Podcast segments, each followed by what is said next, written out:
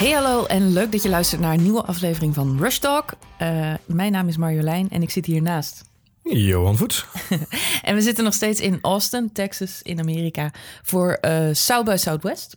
Zie. Het is uh, de vierde dag. Dag vier. Als je eerdere uitzendingen gemist hebt. We zitten hier dus inmiddels al een kleine vijf dagen, want we zijn één dag eerder aangekomen. Mm -hmm. Uh, voor de mensen die echt nu geen idee hebben wat South by Southwest is, uh, luister even de afleveringen van de afgelopen dagen terug. Ja, trek even vijf, vijf uur uit. en ga er even rustig voor zitten, inderdaad. Ja. En we doen elke dag een recap van, van wat we hier allemaal gezien hebben. Het is heel divers. En het leuke is dat er zijn hier trouwens heel veel Nederlanders. En iedereen die je spreekt, uh, ja, die heeft andere dingen uh, gezien. Soms kom je elkaar wel eens tegen. Uh, met name, ik ga natuurlijk veel naar uh, journalistieke sessies. Ja. ik kom daar bijvoorbeeld Lara Ankersmit van de NOS vaak tegen. en um, ja, zo, zo zijn er wel... Jij zit meer bij de, de zelfrijdende auto's en zo. Daar kom je ik, in ik zit, ja, bergen, denk ik, wel eens tegen. Daar ren ik achteraan, zeggen, ja. ja. Nee, ja, daar, daar kom ik... Grappig genoeg, ik ben nog niet zo heel veel mensen tegengekomen in de sessie zelf. Ik wel hoor vooral- wel heel veel Nederlanders. Ja, ja, ja dat, dat heb ik ook wel inderdaad. Ik ben nog niet veel mensen in de sessie tegengekomen. Op de gang inderdaad hoor je En- heel veel Nederlands om je En heen. ook Noren. Ken je die? No- Nora? Nee, Nora? No- Nora? Wie is Nora? Ik ken alleen Dora. Ik vind het zo grappig dat die Amerikanen eh, overal bij Amerikanen spreekt. Oh, there's so many Dutch people and also from Norway. Do you know them all? People from Amsterdam en from. Norway. Anyway. Goed, eh, vierde dag op eh South by Southwest. Ehm, heb jij vandaag leuke dingen gezien? Ik ben zo ontzettend luchtig begonnen vandaag. Waarmee? Eh, met Pentagon. Oh, ik wou, ik wou net zeggen, ik ben, ik ben begonnen met gifjes in de journalistiek. Ik dacht, Oh, luchtiger dan dat wordt het niet. Maar Nee, dat was voor mij ook. Ik, ben, ik, ik, had een, ik had een opbouwtje, dat was gewoon eh, lekker inkomen, soepeltjes. Ik ben begonnen bij Pentagon, daarna ging ik naar Ray Kurzweil. Dat was, was echt, Oh man. was, dat was even, eh, ik denk, weet je wat, laten we gewoon een keer een vuurdoopje proberen. Kijken hoe dat Jongen, jongen, En daarna was je klaar, denk ik. Een soort van, nou, ik heb, ik, ik heb, ik heb keynotes van Adam Grant ook nog even meegepikt. En eh, daarna ben ik aan het schrijven gegaan en, en heb ik nog wat video geproduceerd links en rechts. Ehm, nee, het, eh, het Pentagon was echt serieus wel grappig hoor. Het klinkt echt als een soort van eh Ja, je, hebt er, sessie. je hebt er een stuk over geschreven. Ik moest heel erg lachen. Want ehm, die man die schijnt dus helemaal videogame-fan te zijn. Dat, Ja. dat was, een- het was een hoog official van het, van het Pentagon. En die, die was geïnspireerd door Pokémon Go. In, in hoe, hoe zij nu oorlogsvoering ontwikkelen, zeg maar technologisch. Ja, ja, dat is een beetje de, de, de angle van het stuk inderdaad, ja. En, en dat is ook wel een beetje de, de- hetgene wat gisteren de meeste eh, reacties opleverde vanuit de zaal. Dat, dat hij die, die anekdote deelde. Wat is nou een beetje het verhaal? Hij is eh, eh, de directeur van de SCO. En dat is een soort van onderdeel van het Pentagon. Wat jarenlang geheim is geweest. Eh, hij zei zelf, er werd alleen maar over gefluisterd in de gangen. En niemand wist dat we eigenlijk überhaupt bestonden. Eh, en wat we stiekem mee bezig waren, was het innoveren van, van het Pentagon. En eh, Obama die heeft besloten in zijn laatste acties om nog eventjes dat stukje van het Pentagon nog even inzichtelijk te maken voordat hij de deur uitliep. Door ze in een of ander budgetje ergens links onderin met een krabbeltje neer te zetten. En toen is de pers daar opgedoken. En uiteindelijk is dus deze meneer Will Roper tevoorschijn gekomen. Een hele enthousiaste man. En eh, voor iemand die, eh, die topgeheim dingen behandelt, eh, eh, behoorlijk open van zaken. Hij was, hij, was, hij was blij dat hij eigenlijk eindelijk uit de kast mocht komen. Ja, hij was, de- hij was blij dat hij uit de schaduw mocht stappen, zei hij zelf ook inderdaad. Nou ja, wat, wat, kijk, ehm, eh, onderaan de streep eh, eh, vertelt hij natuurlijk al een heleboel dingen die classified zijn geweest, lange tijd. Maar tegelijkertijd realiseer je ook dat het gewoon, eh, de Amerikanen zijn niet voor niks, eh, vind ik af en toe de uitvinders van de marketing. En hij zit hier natuurlijk ook gewoon om een stukje marketing en PR te doen. Maar zaten er nog dingen bij die voor, voor onze defensie? De, wij- in Nederland gaan we morgen naar de stembus. Ik geloof dat zo'n beetje alle partijen nu wel van mening zijn dat er, dat er ontzettend bezuinigd is op defensie de afgelopen jaren. En dat er nu eindelijk weer wat geld naartoe moet. Ja. Zijn er nog tips en tricks, dingen, eh, mensen die nu connecties hebben bij iemand van defensie? Kunnen we er nog wat van leren van die Amerikanen? Nou, twee dingen, twee dingen die ik, eh, die ik heb, eh, ook heb opgeschreven in het artikel die ik heel erg gevonden vond. Dus één, eh, wat zij in september gelijk gedaan hebben bij hun, bij hun outing, om het zo maar even te zeggen, is, is een, een, een video laten zien van een test die ze gedaan hebben in Californië met een zwerm van drones. Dan moet je je echt voorstellen, dat zijn dus als vogels door, over de lucht heen trekken. Ehm, eh, zo liet, laten ze zien dat zij ook een, een zwerm, een kolonie aan drones door de lucht heen laten vliegen. Hele kleine, gewoon consumentendrones, uitgevoerd met een speciaal stukje software en een aantal sensoren, waardoor ze wat extra taken kunnen uitvoeren.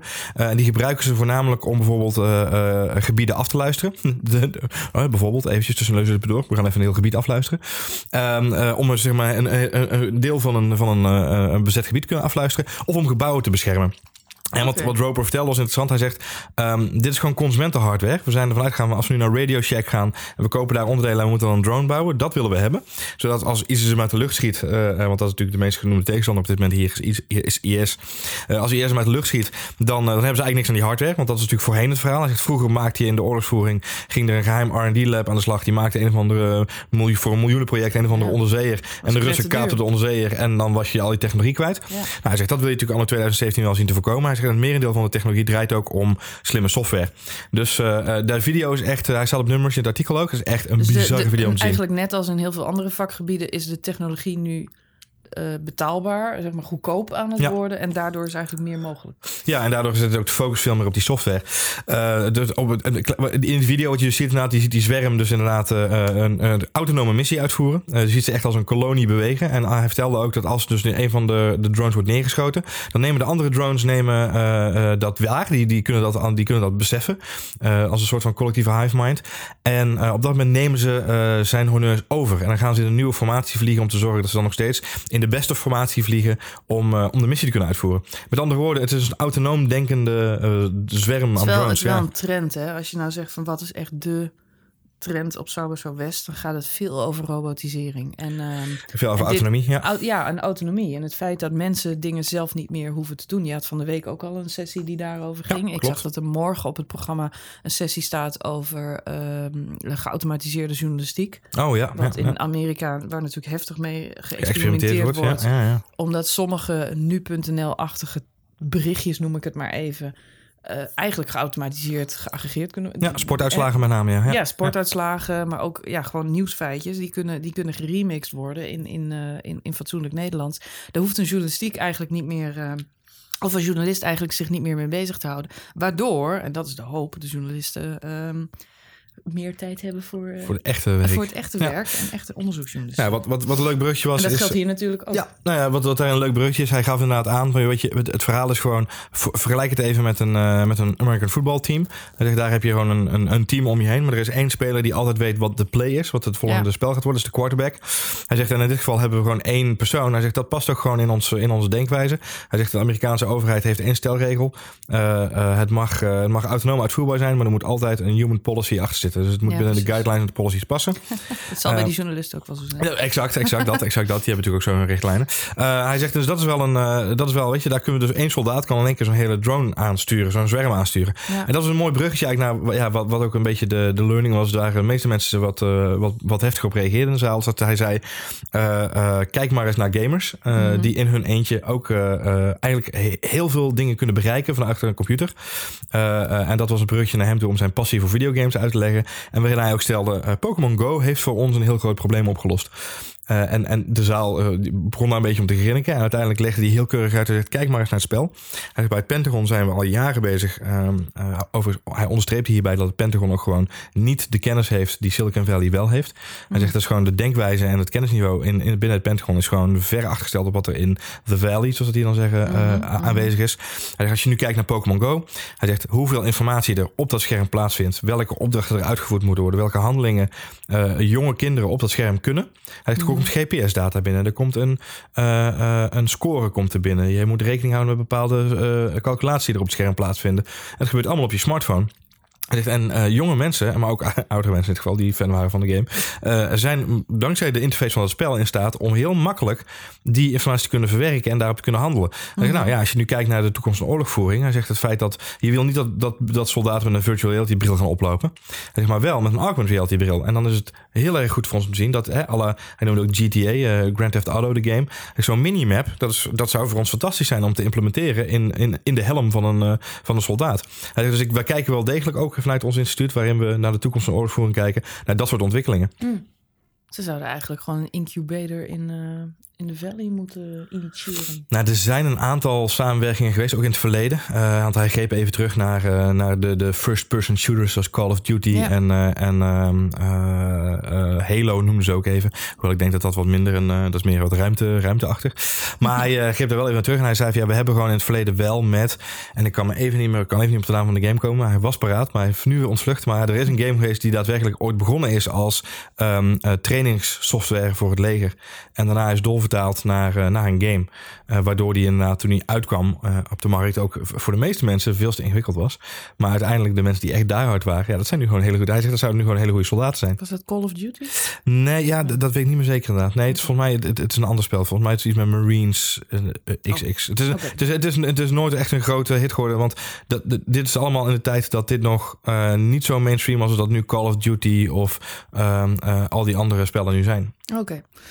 Maar dat is, uh, dat is op zich natuurlijk logisch. Dat, uh, de simulatie uh, is natuurlijk in al dit soort vakgebieden. Ja. we hebben er zelf ooit op nummers heb ik een keer een stuk geschreven over voetbal. Mm -hmm. En het feit dat Messi en Ronaldo betere voetballers zijn doordat ze zoveel FIFA spelen. Ja, of gespeeld hebben inderdaad. Ja, ja, en dat is gewoon vastgesteld. Hetzelfde geldt natuurlijk voor Formule 1-coureurs. Max Verstappen is met name ook zo goed omdat hij als een malle in zijn race simulator zit. De godganse dag. Ja, nou ja, dat, dat, is ook wel het laatste puntje waar hij mee afsloot. Hij zegt als je kijkt naar uh, de toekomst van oorlogsvoering en uh, hij zegt de, de, de synergie met gaming. Mm -hmm. Hij zegt je ziet gewoon dat games, games heel goed kijken naar wat oorlogsvoering doet. Hij zegt maar tegelijkertijd zou me niet verbazen als wij in de komende jaren ook gaan kijken naar wat games doen. Ja. Hij zegt dan krijg je een soort van uh, wereld waarin uiteindelijk mensen die nu heel goed zijn in games misschien wel de soldaten van de toekomst zijn. Ja. En, wat je, en hij zegt nogmaals kijk maar eens naar wat, wat gamers kunnen aan handelingssnelheid, aan precisie waarmee ze werken, aan strategisch inzicht dat ze hebben. Mm -hmm. Hij zegt dan scoren ze vaak uh, uh, net zo hoog, of misschien nog wel hoger, dan de gemiddelde soldaat in een, uh, in een landmachttroep.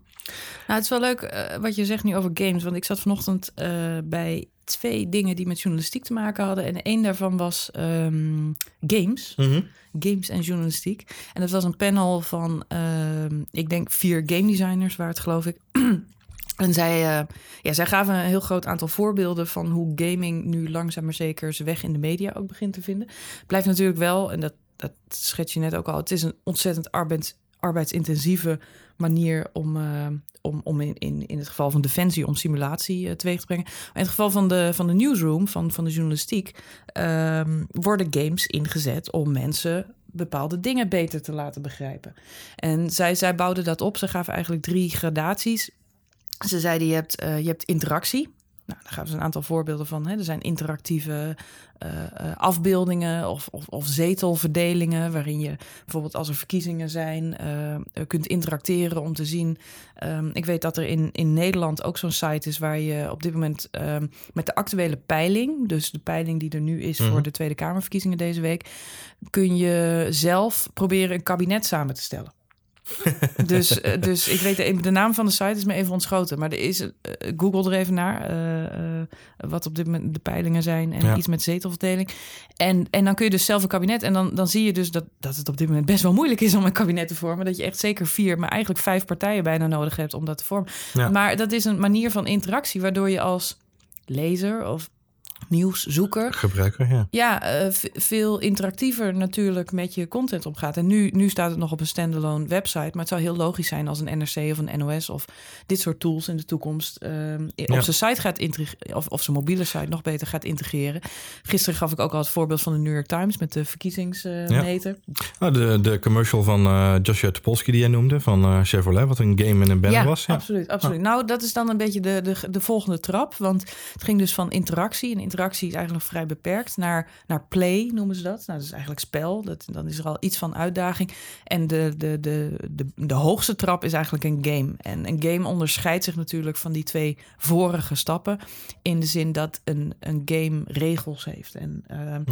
uh, een feedback loop. En um, uh, en, en een einddoel. Dat Ja. is eigenlijk misschien wel het belangrijkste van een ja game. maar dan ga je Eh, echt in de regels gamification, ja. ja. Ja, precies. En play heeft natuurlijk heel erg te maken met, ehm, met gewoon iets doen zonder dat er echt iets uitkomt. Het Ja. spelletje wat jij nu v- vertelt eh, van Joshua Topolsky was een typisch voorbeeld van play. Je kon een autootje op de mobiele website van links naar rechts.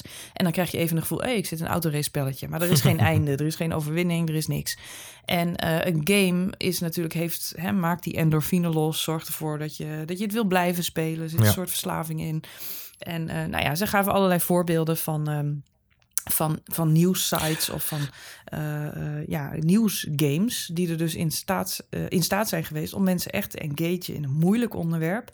door het, uh, ja, door het een spel te maken. Het is grappig dat jij dat zo, dat, je, dat, zo'n sessie het dan is inderdaad. Omdat ik me realiseerde toevallig eerder vandaag dat er eigenlijk nauwelijks nog echt gamification sessions zijn. En Ja. toen werd natuurlijk in 2011, 2012 met Footsie eh, eh, begonnen in, in die periode. Hier op, in Austin stond het bol van de gamification. Volgens mij kan ik me nog herinneren dat er een complete gamification track was. Ja, in, ja, eh, in een van de hotels hier. En dat geldt trouwens zelden voor food, bedenk me nu. Eh, Food is dit jaar ook wel weer hoor. ja, maar wel in mindere mate. ja. Het is allemaal in de Driscoll. Ja, klopt Ik ben daar nog ja. niet geweest. Nee, nee, Dus, nee, eh, eens, dat is waar. Maar ik realiseer me dat de, de regels van eh, de, de- waar we het toen over spraken, als het ging over gamification, zo langzaam maar zeker wel beginnen door te sijpelen, maar in een andere vorm op deze manier. Ja, Ehm, en ik geloof heel erg in ehm, eh, wat jij dan inderdaad noemt play nu. Het, het speelse karakter, dat gebruiken om meer Ja. interactie te genereren. Want ik denk namelijk dat de dingen die jij net noemt van gamification, dat zijn dingen die je wil doen om mensen te sturen naar iets. En ehm, eh, in dit geval dus eigenlijk behavioral change. ja. Een gedragsverandering. En in dit geval gaat het natuurlijk niet zozeer om gedragsverandering, maar gaat het om informatie consumeren. En, en dat is natuurlijk wel een veel interessantere manier Nou, om dat te zeker bij moeilijke onderwerpen zoals verkiezingen, eh, waar, waar je toch als journalist echt een, een, een functie hebt, dat merken we allemaal de afgelopen weken, om het publiek zoveel mogelijk dingen uit te leggen, te laten zien, te duiden, zonder dat je dat wil beïnvloeden, maar je wil alleen maar dat ze er kennis van nemen. En, en als je interactieve methoden eh, gaat gebruiken, ja, dan, dan, dan is gewoon bewezen dat mensen eh, daar uiteindelijk meer kennis uit opdoen. Ja. Ik ben ehm, halverwege geswitcht, want het was een hele interessante sessie. Maar op een gegeven moment merk je dat ze al een beetje in de afrondende fase zitten. En ze waren nog niet zo heel lang bezig. Ehm, en toen ben ik naar gifjes in de journalistiek gegaan. nou ja, dat was ook een hele leuke sessie. Ze gaven, eh, ik viel er dus halverwege in, maar het was een hele, een hele lange voorbeeld van, ik geloof wel 35 voorbeelden van hoe gifjes in de journalistiek kunnen werken. Bekendste voorbeeld kennen we natuurlijk allemaal, is dat BuzzFeed hier ooit mee begonnen is en met de listicles. Op dit moment, eh, we hebben zelf echt een hele populaire serie artikelen gemaakt op, eh op vans.nl. Kijk daar vooral even naar. Ja. Waarin we alle politieke partijen doornemen en eigenlijk de tien belangrijkste standpunten daaruit uitlichten. Ja. En bij elk standpunt plaatsen we een gifje puur om, ja, als introductie en om het luchtig te houden. En om Mhm. het, eh, ja, snap je? Dat, eh, en dat werd ook in deze sessie gezegd, dat dat de meerwaarde van gifjes is. Dat, Ja. het, dat het humor, het haalt soms net even de angel uit een verhaal. Of het Ehm, naar al toe. Ja. Ja, absoluut. En, eh, maar goed, daar, daar hoeft het niet. Dat is één, één eh, use case. Maar zij hadden een hele serie andere use cases. Kijk, het belangrijkste voorbeeld van eh, voordeel van gifjes is natuurlijk dat ze automatisch afspelen. Dus zij hadden ook een heleboel ehm, eh, hele mooie voorbeelden van gifjes die iets uitleggen. En dan moet je het een beetje vergelijken met de korte nieuwsbites die je nu ook op Facebook en op Instagram ontzettend veel ziet langskomen. Van de BBC, Mashable. Er zijn heel veel sites die nu ehm, eh, eh, ja, stille video, noem ik het maar, want de tekst Ja. staat in beeld. En dat kun je natuurlijk ook met gifjes doen. En dat, Ja. dat gebeurt ook heel veel. En het mooie van gifjes is dat je weer meer ruimte hebt om met animatie dingen te doen, om een verhaal echt te simplificeren, want het moet. Gifjes zijn al vrij snel heel zwaar als je Mhm, ze eh, te lang maakt. Dus eh, nee, dat vond ik, een, eh, vond ik een leuke sessie. Gifjes, here to stay. Here to stay. Here to stay. Dat je wat later binnenkwam, toen zei de, de moderator, zei, ja, dat geeft niks. Nee? Flauw, Johan Voets, sorry. Ehm, nee, wat, wat eh, ehm, eh, volgens mij zat ik, toen jij daar zat, zat ik bij Ray Kurzweil, denk ik. Ja. Ja, dat is grappig, want ik zat daar eigenlijk omdat ik, ik, ik dacht, dit wordt volgens mij, een, we hebben Ray Kurzweil natuurlijk meerdere keren gezien. En iedereen die Ray niet kent, is een, echt een, een alleskunner. eh, auteur, musicus. eh, nu zit hij in, in het board bij Google als een van de hoofden innovatie. Maar hij kwam op het podium met zijn dochter. En eh, eh, die is eh, cartoonist. Als ik het illustrator moet ik dan eigenlijk zeggen. Bij de New York. De, de- Cartoonist. ja, cartoonist. Ja, illustrator. Ze maakt ook graphic novels. Bij de New Yorker onder andere. En eh, zij, eh, ze kwamen samen op het podium over de kracht van samenwerking. Ehm, ik, ik heb dat met flarden gevolgd, omdat ik even wat andere dingen aan het uitschrijven was op dat moment ook. Ehm, eh, om, en met name ook omdat ik de stukken die zij, Amy Kurzweil, eh, vertelde, die, heb- ik erg van genoten. Zij heeft een, een graphic novel gemaakt vorig jaar over drie generaties Kurzweil vrouwen. Eh, dus zij is eigenlijk de, de geschiedenis van, niet Kurzweil, maar haar moederskant moet ik zeggen, is ingedoken. Ze heeft haar, haar grootmoeder gesproken en haar moeder en, en, en eigenlijk haar eigen leven omschreven. En dat heeft ze in een graphic novel neergezet. Uh, uitgeschreven. En dat, dat is een van de best beoordeelde boeken van vorig jaar geweest. Ook bij de New York Times in de bestsellerlist terechtgekomen. Wat, oh, wow. wat best wel verrast is voor een graphic novel.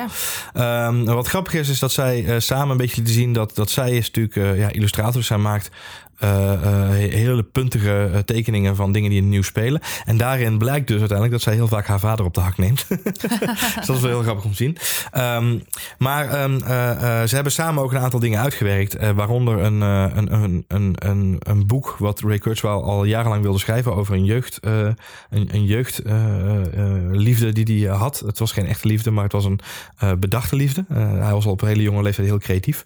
En hij had een, een, een verhaal bedacht van een meisje wat hij, wat hij leren kennen. Hij was twaalf geloof ik, als ik goed had opgeslagen qua leeftijd. En dat meisje dat... Uh, uh, ja, het verhaal van dat meisje, dat wilde hij al jarenlang eigenlijk uitgewerkt hebben. En dat heeft hij een boek overgeschreven. En eigenlijk heeft zijn dochter het in een, in een graphic novel gezet. Dus zij zaten daar samen als uh, vader en dochter te praten en, en te keuvelen over hun samenwerking. En tegelijkertijd zaten er een hele paar hele leuke insights in over creativiteit. En hoe je samen dingen kunt oppakken. En ja, vond ik gewoon een heel grappige sessie, omdat je dat niet verwacht van Ray Kurzweil in dit geval. Nee, ik heb drie jaar geleden een, ook hier op South een presentatie van hem gezien. En nou, Jury van Geest was er niks bij. nee, het is, uh, ik denk, het is ook natuurlijk in dezelfde lijn van, uh, van innovators. Die, uh, hyper intelligent en die, die, die, heeft, die, die loopt echt tien jaar voorop qua toekomstvisie. Ja. En um, ja, dat is, uh, dat, kan, dat is Als het er geen twintig zijn inderdaad, ja. ja. ja. Uh, wat grappig was, in de introductie zei zijn dochter op een gegeven moment... Uh, Grammy Award winning. En toen zat iemand naast mij en zei... Grammy Award winning? En mm. Ray Kurzweil heeft een Grammy gewonnen... voor zijn bijdrage als technicus aan de muziek. hij heeft onder andere de, de synthesizer van Stevie Wonder heeft hij, ontwikkeld.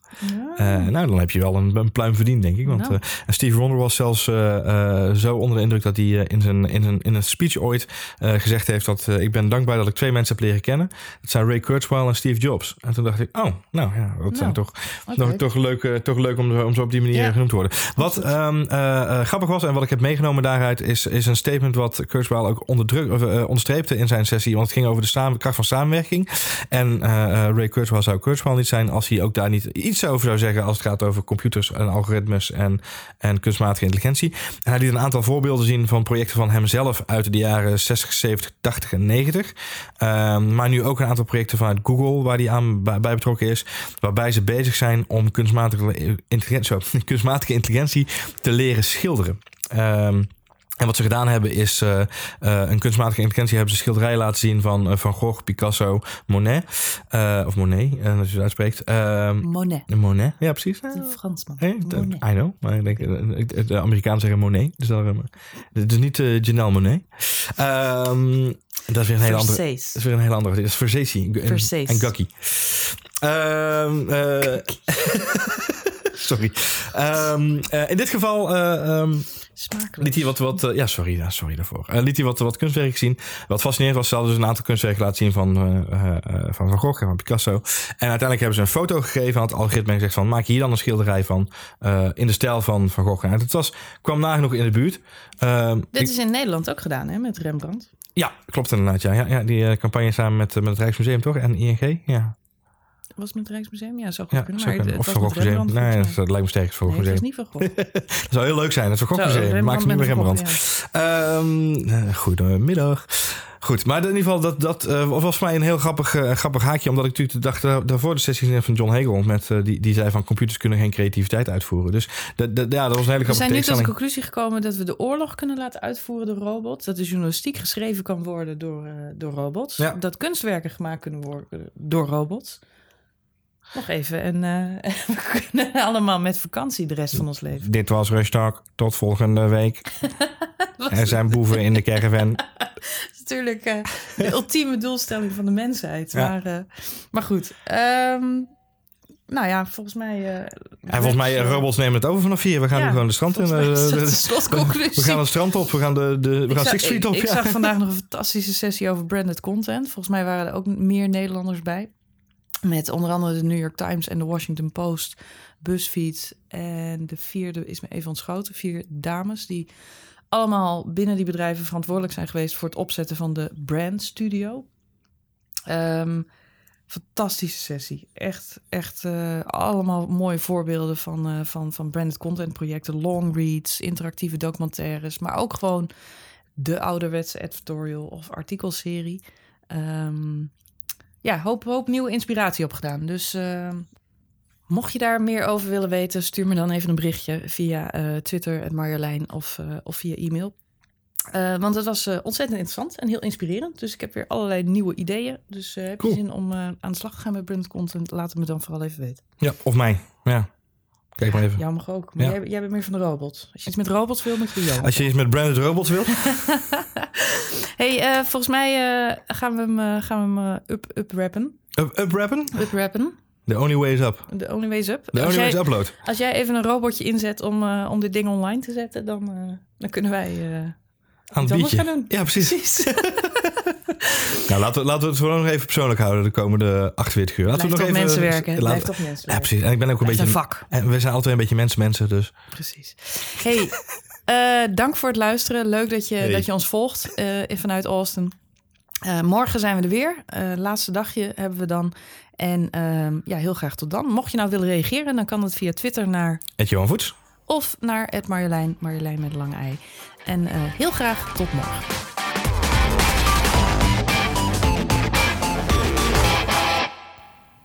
Hey Marjolein, ben je al bezig met het schrijven van jouw rap? Versees. Gukkie.